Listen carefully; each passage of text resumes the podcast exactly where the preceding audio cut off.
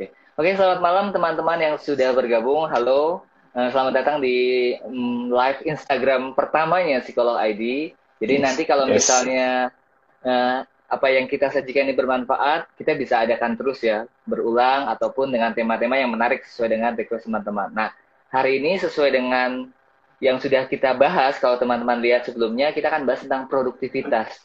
Jadi gimana sih caranya uh, dalam masa COVID ini, entah ada, entah ada teman-teman yang mungkin WFH kali ini, nah kita tetap produktif. Nah hari ini saya dan teman saya, ini Bro Andreas nanti yang dia adalah profesional, tapi dia juga membuat banyak konten yang bermanfaat. Salah satunya yang juga saya dengerin adalah podcast, nah, podcast self development. Nah, nanti boleh diperkenalkan dulu kesibukannya apa, latar belakangnya apa, baru nanti kita akan bahas materinya. Boleh, Bro? Silakan. Oke, okay, thank you, Bro Daud. Oke, okay, jadi uh, buat teman-teman sekolah KID semuanya, uh, perkenalkan nama saya Andreas Burdes, gitu ya. Dan dan latar belakang saya itu uh, saya dulu uh, singkat cerita saya saya dari Bontang namanya dari kota Bontang Kalimantan Timur gitu ya terus uh, waktu itu saya ketika SMA saya memutuskan untuk uh, mengikuti passion saya gitu yaitu menjadi seorang uh, psikolog dan akhirnya saya uh, masuk ke, ke, ke psikolog kayak gitu. Dan ada satu momen yang mengubah hidup saya waktu itu yaitu adalah ketika dulu ketika kelas 3 SD itu ayah saya meninggal. Jadi tinggal ibu saya jadi single fighter di sana dan mau nggak mau saya harus fight gitu ya untuk untuk ibu saya. Dan dari sana itu saya mulai tuh belajar tentang produktivitas gimana saya bisa menghasilkan lebih dalam waktu yang terbatas gimana cara saya waktu itu ngelola waktu biar bisa dapat beasiswa kerja sambil dapat duit kayak gitu ya. Dan dan itu semua nggak cuma sekedar uh, kerja gitu ya tapi saya harus kerja cerdas. Nah gimana cara cara kerja cerdas nah berarti saya harus belajar dulu nih dari yang terbaik. Jadi saya mulai baca-baca buku uh, time management. Yang paling mengubah tuh mungkin teman-teman bisa tuh cari satu buku namanya Seven Habits of Highly Effective People karya Stephen R. Covey. Itu buku bagus banget teman-teman bisa cari bagaimana kita bisa uh, menang secara pribadi sampai akhirnya menang dengan uh, orang lain. Dan dari uh, pengalaman tadi akhirnya waktu itu saya berhasil dapat beasiswa terus kerja kuliah sambil kerja gitu ya sambil dapat duit sambil bisa transfer orang tua nah itu karena satu yang namanya uh, productivity dan begitupun juga saya gunakan sampai saat ini. Saat ini saya berkarir sebagai seorang HR ya, uh, human resources. Saya di people development and organizational development. Jadi juga uh, gimana ngedevelop ya uh, karyawan di perusahaan dan juga saya bikin podcast nih, podcast self development. Kalau misalnya teman-teman pernah dengar, silakan cek di Spotify ya. Spotify. Aduh, saya udah ketinggalan jauh sama podcast uh, psikolog ID nih, udah meluncur, udah 10 besar. Iya, kurang kurang lebih kayak gitu dan dan di kesempatan kali ini saya mau sharing sama teman-teman gimana sih caranya kita uh, bisa jauh lebih produktif dan saya mau sharing ada ada tiga penghambat produktivitas yang teman-teman harus peka nih sama uh, tiga hal ini kayak gitu. Terima kasih, bro. Uh, beberapa Siap. kisahnya juga saya sudah sempat dengar di podcast di podcast awal-awal tuh. Uh, buat teman-teman yang belum dengar, cari di Spotify atau Apple Podcast ada juga ya? Ada juga, bro. Nah, ada juga. Nanti juga mungkin tuh, tadi ada yang nanya pengen buat podcast. Nanti bisa share juga awal mula buat podcast. Kita berdua kan sama-sama buat podcast. Nah, nanti boleh, untuk boleh. yang yang tadi ada juga yang komentar um, di, boleh nggak di save live-nya? Nanti juga kita akan coba simpan dan juga beberapa pembahasannya juga akan kita upload juga di podcast ya untuk teman-teman yang mungkin yes. jaringannya sedang tidak stabil, jaringannya lagi bermasalah atau segala macam. Oke, uh, kita mulai dari pembahasannya. Nah, menurut Bro Andreas sendiri ini kan sibuk nih, uh, profesional hmm. juga kerja, terus buat konten yes. juga, udah gitu kontennya aktif banget yang saya lihat kan. Podcastnya tuh aktif banget, ngeluarin track-track baru dan yes. to the point. Kalau misalnya didengar, memang pembahasannya itu langsung nggak pakai bahasa basi, apa yang perlu kita lakukan ya dilakukan. Nah, menurut Bro Andreas sendiri produktivitas itu definisinya sendiri itu apa sih? Iya, kalau dari saya pribadi gitu ya, kalau oh. melihat produktivitas itu gimana cara kita untuk bisa uh, menghasilkan ya, menghasilkan lebih di waktu yang terbatas. Nah, itu yang namanya produktivitas. Jadi menghasilkan lebih dari resource yang terbatas dan kita bisa achieve uh, goal kita. Nah, itu yang namanya produktivitas. Nah, jadi itu yang menjadi challenge gitu ya. Kita dalam hidup kita dikasih waktu sama Tuhan, semua kan semua punya 24 jam. Uh, yeah. misalnya kayak apa orang-orang sukses, Cristiano Ronaldo gitu ya yang lagi heboh sekarang. itu juga yeah. punya waktu 24 jam gitu. Tapi kenapa kok ada yang bisa achieve lebih? Terus kenapa kok ada yang belum bisa? Kok malah ada yang waktunya jadi sia-sia? Nah, itu karena bagaimana dia mengisi dari waktunya tadi, bagaimana dia bisa memilih mana yang penting dan berdampak pada hidupnya. Jadi kita bisa melihat uh, waktu kita itu seperti uh, investment ya. Kita harus melihat return of moment ya, ROM gitu ya, return of moment. Jadi bagaimana kita spend waktu kita dan melihat bagaimana hasil dari uh, kegiatan kita tadi berdampak pada diri kita. Nah, ketika kita melihat bahwa waktu itu adalah sebuah aset yang paling berharga, di mana kalau kita invest di sana kalau udah kelewat kita udah nggak bisa pulang lagi ya kalau duit kan bisa ya balik lagi tapi kalau misalnya waktu pasti akan sangat sulit nah jadi penting untuk kita bisa invest apa namanya kegiatan uh, activity yang mengarahkan kita untuk menuju goal kita nah itu jadi itu salah satu tentang productivity ya dari saya gitu bro Penjelasannya jelas ya. Jadi waktunya sama, cuma cara kita mengelolanya investasinya ke mana nih, produktivitas. Yes, nah, kan betul, betul. Mungkin yang ikut live ini profesinya banyak ya, ada yang dari pelajar, ada yang mahasiswa, ada juga yang pekerja. Nah, kalau misalnya kita baru mulai ingin lebih produktif, misalnya beberapa dari yang nonton saat ini tuh pelajar, kira-kira ada tips uh, sederhana nggak yang praktis yang bisa dilakukan? Oke, okay. kalau mau produktif dan apa pun itu, kalau dari saya uh, hmm. kembali lagi uh, saya dari dari bukunya Stephen R. Covey ya di uh, kan ada ada Seven Habit ya dan ini mungkin habit ke kedua kalau nggak salah uh, mulai dari akhir ya. Hmm. jadi prinsipnya adalah mulai dari akhir. Kita mulai dari akhir oke okay, kita mau produktif tapi sebelum kita mulai tenggelam dalam aktivitas kita tanyakan dulu di akhirnya ini saya mau ke mana ya? Nah, ja, nah, kesalahan banyak orang itu sibuk hanya aktivitas, tapi dia nggak jelas apa sih tujuannya, jadi mungkin mungkin teman-teman di apa namanya teman-teman di sini yang lagi nonton IG mungkin IG live ini mungkin punya nih rekan-rekan lainnya yang kok kayaknya itu sibuk banget tapi kok nggak ada hasilnya ya. Hmm. sibuk aja gitu. Tapi ada juga yang mungkin kayaknya santai-santai aja tapi dia bisa achieve goalnya berhasil. Nah kenapa? Karena satu yang namanya dia punya satu fokus.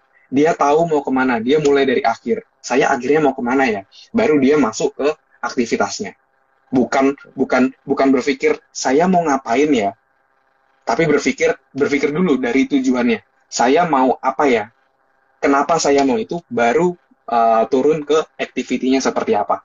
Jadi mulai dulu dari dari dari tujuannya gitu bro. Ya. karena banyak banyak mm, banyak orang yang hanya sekedar sibuk hanya untuk agar dia merasa selesai melakukan sesuatu dan akhirnya hormon endorfin muncul. Wih berhasil nih selesai selesai. Tapi sebenarnya itu bukan hal yang esensial gitu.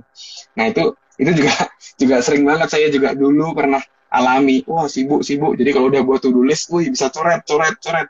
Tapi nggak esensial gitu. Nggak nggak mendekatkan kita untuk mencapai tujuan kita. Jadi yang pertama harus mulai dari akhir dulu bro. Itu uh, salah satu strateginya. Jadi tujuannya harus jelas dulu ya. Entah itu pelajar yes. mungkin mahasiswa ataupun pekerja. Kita mau ke mana nih jadi yeah. baru baru setelah itu tahu langkah-langkahnya ke mana gitu ya kurang lebih ya betul yes kurang lebih gitu betul banget bro Eh, tadi ada uh, rekomendasi buku untuk produktivitas. Iya. Kalau dengar. Iya. Kalau saya uh, sarankan mulai ini saya sambil lihat cari buku saya. Kayaknya saya oh ternyata di oke langsung aja. Jadi sorry sorry. Kayaknya saya ada bukunya. Satu buku yang saya ada dua. Oke, okay, Ada dua buku yang saya rekomendasikan.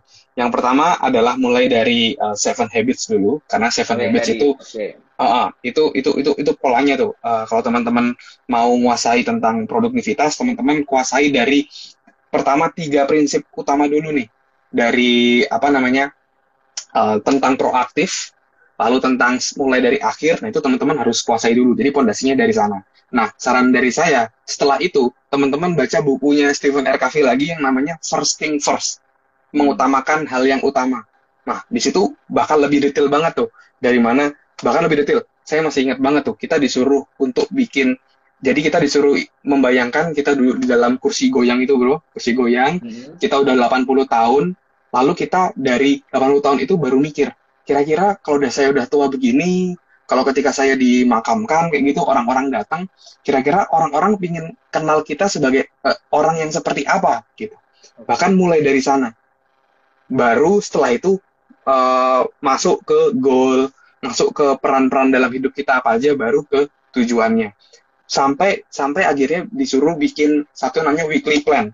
Itu yang waktu hmm. itu akhirnya saya bisa uh, handle kerjaan sama uh, kuliah waktu itu membuat weekly plan jadi setiap minggu saya mem saya punya satu tabel besar gitu ya tentang, tentang apa namanya weekly plan. Nah saya mulai memasukkan tuh apa aja aktivitas penting aktivitas pentingnya. Dan ada satu metafora bro, kalau boleh saya share gitu ya. Boleh, uh, boleh. Jadi ada satu profesor waktu itu ya, uh, dia di kelas dia bawa sebuah fishbowl gitu ya, fishbowl yang tempat gitu ya ikan gitu ya, koreum gitu ya. Nah terus dia membawa batu besar, batu kecil, eh sorry batu besar, batu sedang, batu kecil, kerikil, pasir sampai yang paling kecil. Lalu profesor tadi di depan uh, mahasiswanya mulai memasukkan pasir dulu. Lalu kerikil, batu kecil, batu sedang, eh batu besarnya nggak bisa masuk bro. Terus sama profesor tadi dikeluarin semua. Lalu dibalik. Sekarang batu besarnya dulu, batu sedang, batu kecil, kerikil, eh ternyata pasir-pasir tadi bisa memenuhi di sela-sela batu-batu tadi.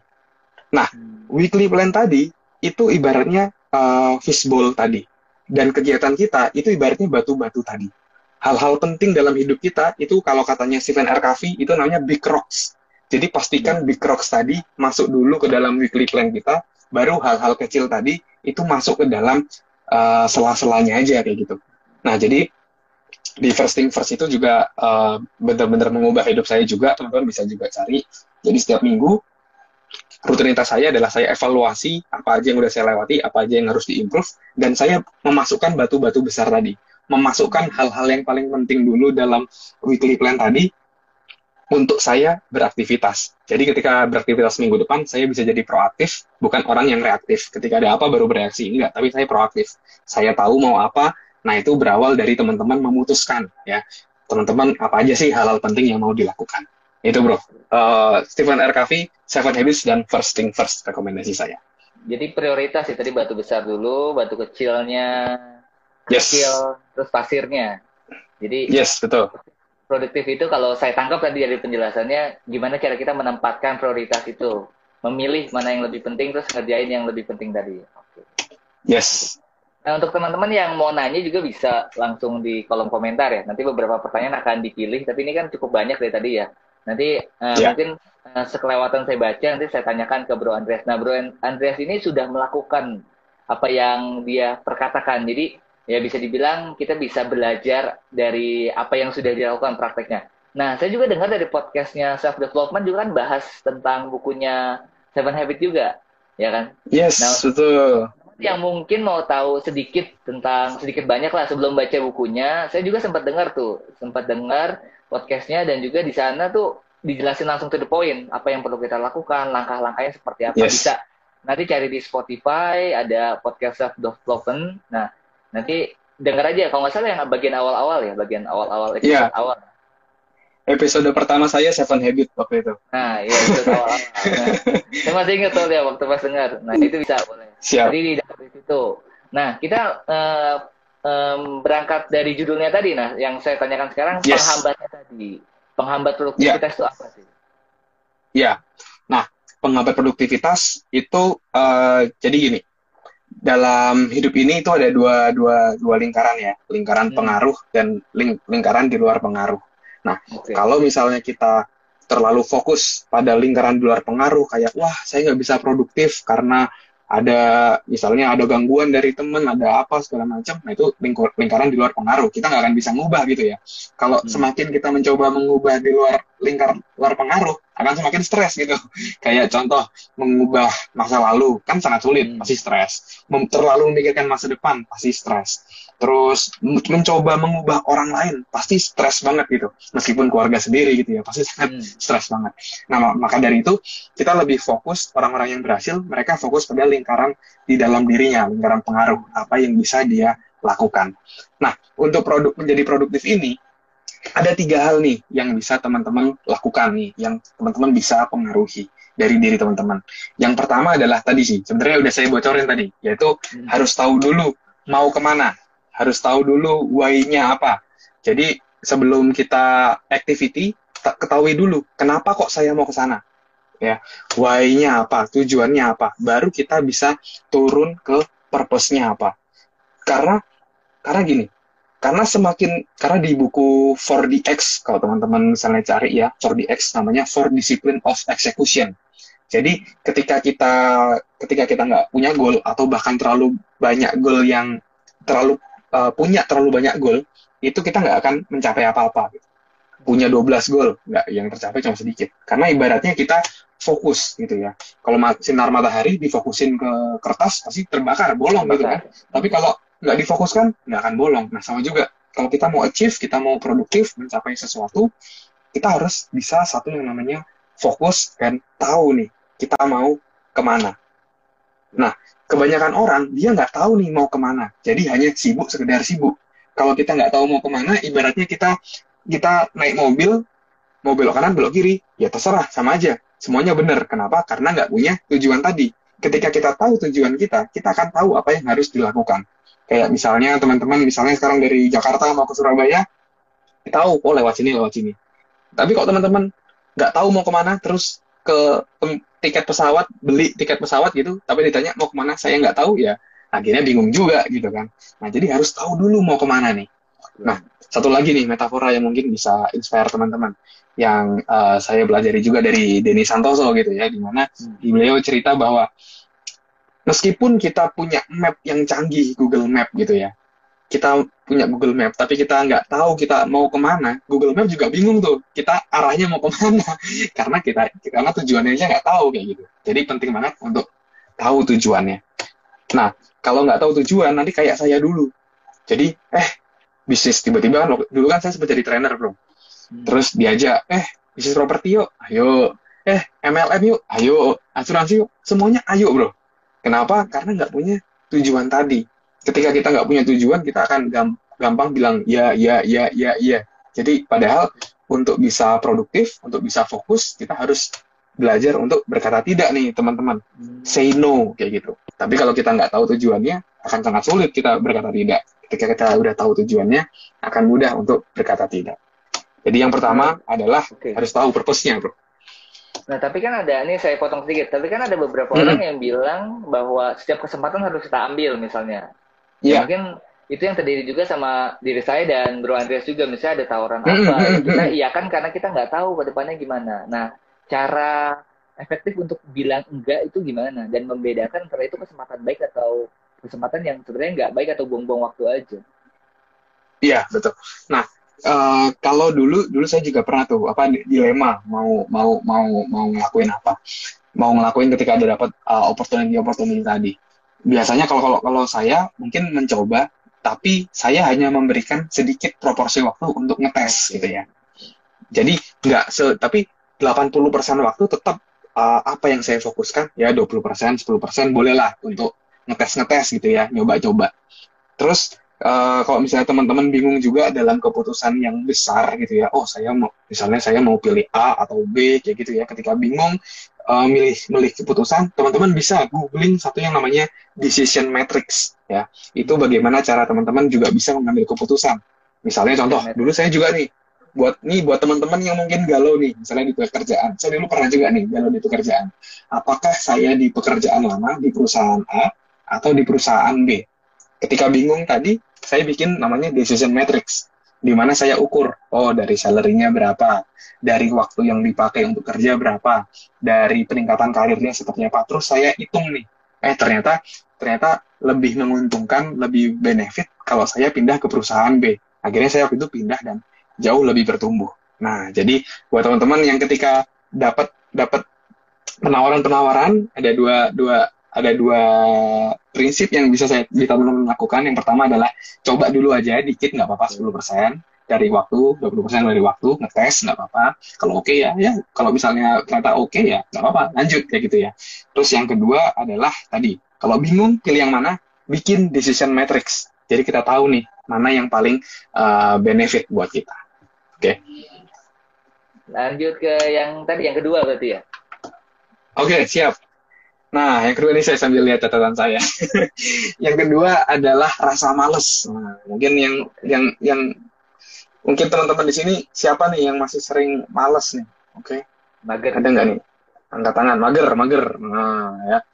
Nah, yang kedua tuh adalah males atau mager. Nah, itu biasanya karena satu yang namanya goalnya itu tidak membuat dia semangat. Ibaratnya hmm. goalnya itu kurang menggairahkan gitu. Bagaimana dia bisa uh, mau untuk bisa achieve goalnya.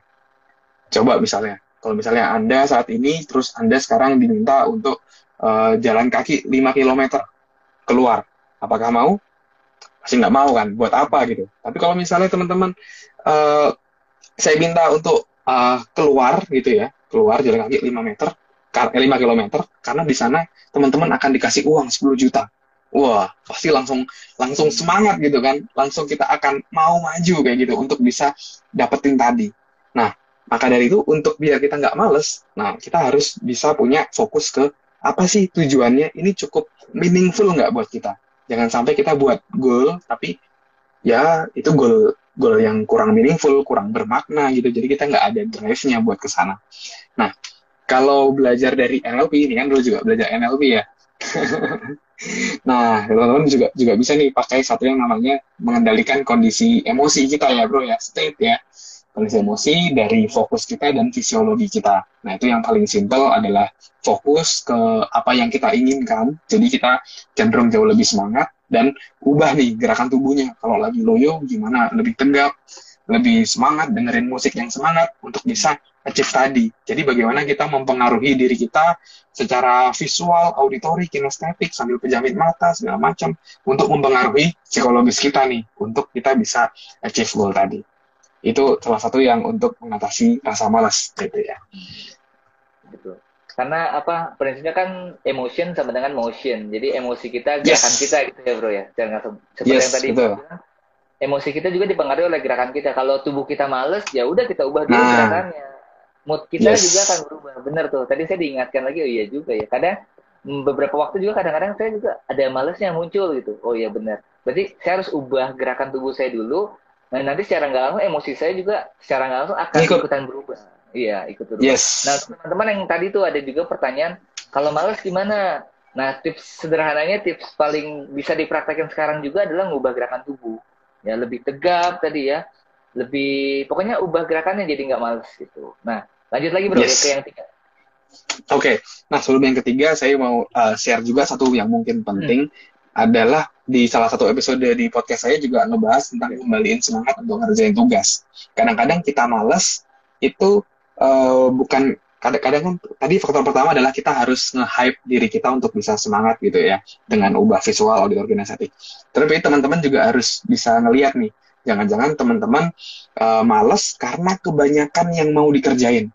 Oke, okay? hmm. karena kalau kita terlalu banyak to-do list, kita nggak akan eksekusi gitu. Karena otak kita nge-freeze, bakal banyak banget, overwhelm kayak gitu. Karena eksekusi itu suka sama simplicity. Simple, apa sih yang harus dilakukan? Kalau terlalu banyak kita akan nge-freeze, ya, akan kebingungan gitu, mau yang mau yang mana kayak gitu. Nah, jadi uh, teman-teman juga uh, kalau misalnya teman-teman saat ini merasa bahwa uh, males karena kebanyakan yang harus dilakukan, teman-teman uh, filter lagi, pilih lagi, tanyakan pada diri, tanyakan pada diri sendiri, mana satu hal yang kalau saya lakukan, ini akan berdampak atau mendekatkan saya pada goal saya. Nah, filter itu dengan dengan pertanyaan itu, sehingga, oh, yang ini yang harus, nah, udah, fokus itu aja.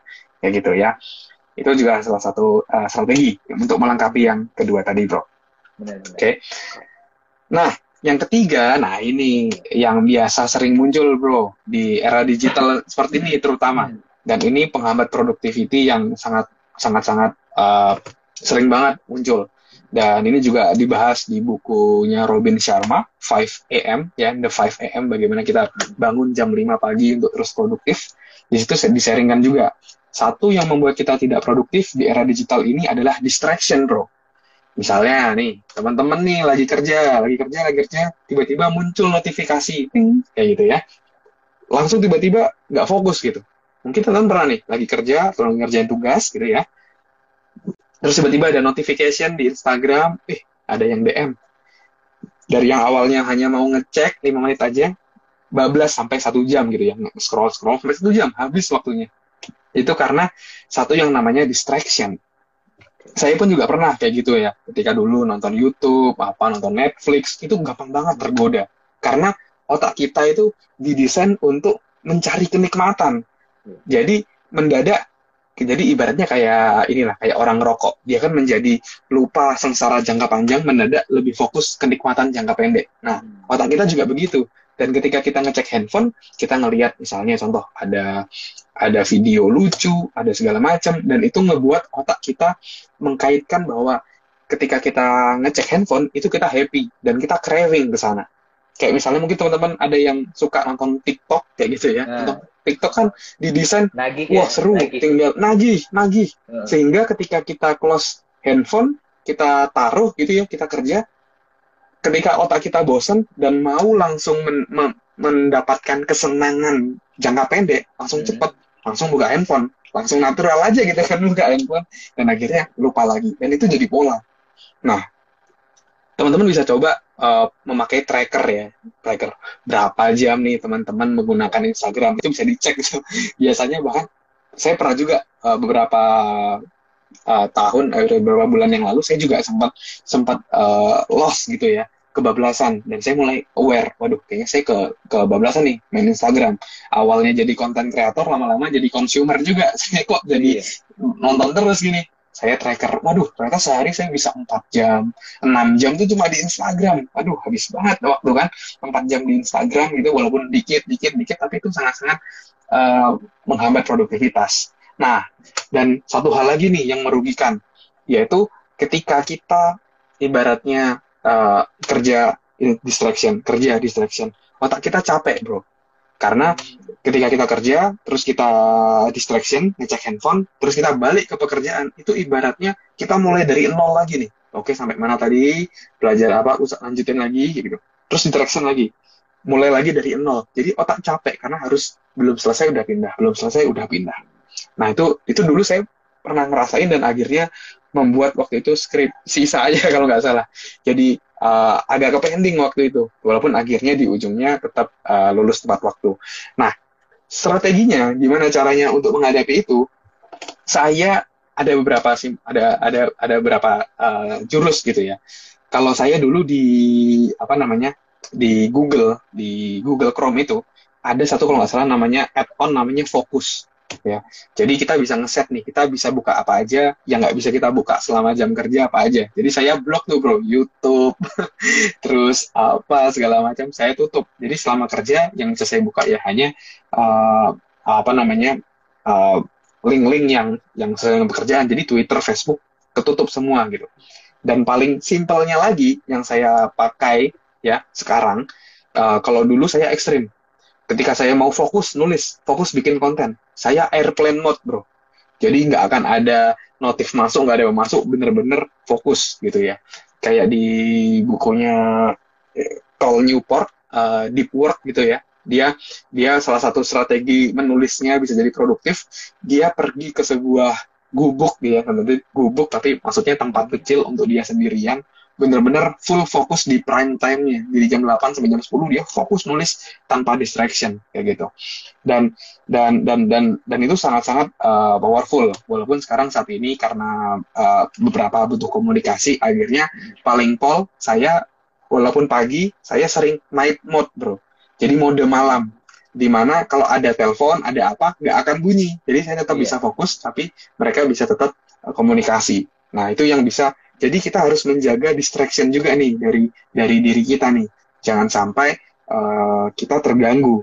Dan kalau sekarang di Android juga canggih sih, ada fokus juga, ada pembawaannya gitu ya. Jadi kita bisa ngeblok nih. Uh, kalau nggak salah namanya well-being kalau nggak salah. Kalau misalnya teman-teman pakai Android, teman-teman bisa coba juga. Up, tapi udah bawaan di settingnya udah ada sih. Oh bawaan. Jadi, -mm, jadi kita bisa nge jadi kita bisa ngeset nih kalau saya pribadi saya akan uh, fokus kerja dari jam 9 sampai jam 5 dan dari dan dari range waktu itu saya akan set untuk saya nggak bisa ngecek Instagram, YouTube, dan lain-lain. Jadi ketika kita buka tuh nggak bisa, bro. Bingung. Terus kadang-kadang apa? Uh, tapi ada notifnya. Apakah mau buka? Tapi cuma lima menit. Jadi kita buka cuma lima menit, habis itu ketutup lagi langsung. Jadi tergantung kita mau setnya gimana. Uh, waktu kerja kita. sendiri ya. Iya, bisa didesain tergantung dari kitanya gitu. Jadi yang ketiga adalah distraction. Jadi yang pertama adalah harus tahu dulu nih apa purpose kita, tujuan kita mau ke mana. Lalu yang kedua, ubah rasa males tadi, state tadi dengan ubah gerak, ubah fokus. Dan yang terakhir adalah clear distraction. Jangan sampai ada distraction di kerjaan kita sehingga kita bisa uh, full fokus. Otak kita bisa bekerja full fokus tanpa gangguan menyelesaikan tugas tadi. Itu bro.